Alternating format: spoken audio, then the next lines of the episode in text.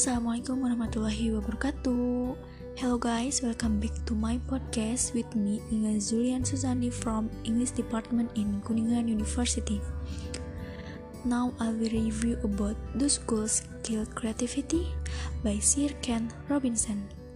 Sir talk about education and about creativity. Sir contention is that creativity now is as important in education as literacy and we should treat it with the same status. If you were to visit education as an alien and say, What's it for? Public education?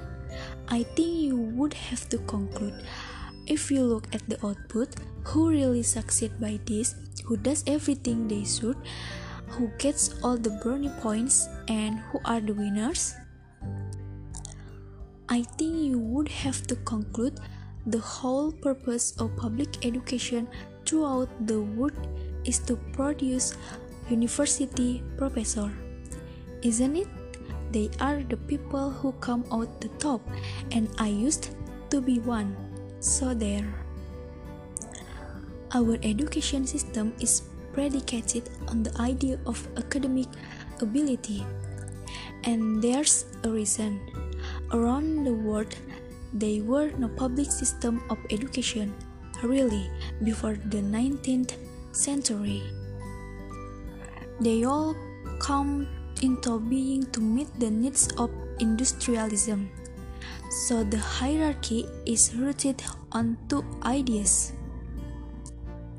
Number one, that the most useful subjects for work are at the top so you were probably steered benignly away from things at school when you were a kid.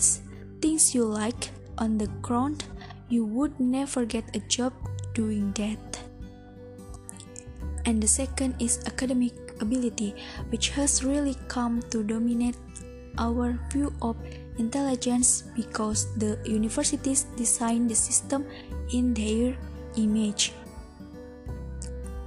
If you think of it, the whole is a protected process of university entrance, and the consequence is that many highly talented, brilliant, creativity people think they are not because the thing they were good at school was not valued or was actually stigmatized.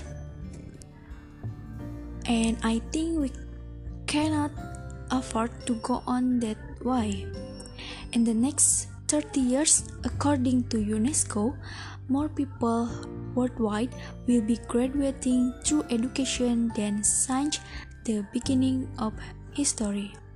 More people, and it's the combination of all the things we have talked about technology and its transformational effect on work and demography and the huge explosion in population, we know three things about intelligence. One, it's diverse. We think about the world in all the ways that we experience it. We think visually, we think in sound, we think kinesthetically, we think in abstract terms and within in movement. Secondly, intelligence is dynamic. If we look at the interaction of a human brain, as we heard yesterday from a number of presentations, intelligence is wonderfully interactive. The brain isn't divided into compartments. And the last is the third is thing about intelligence is its distinct.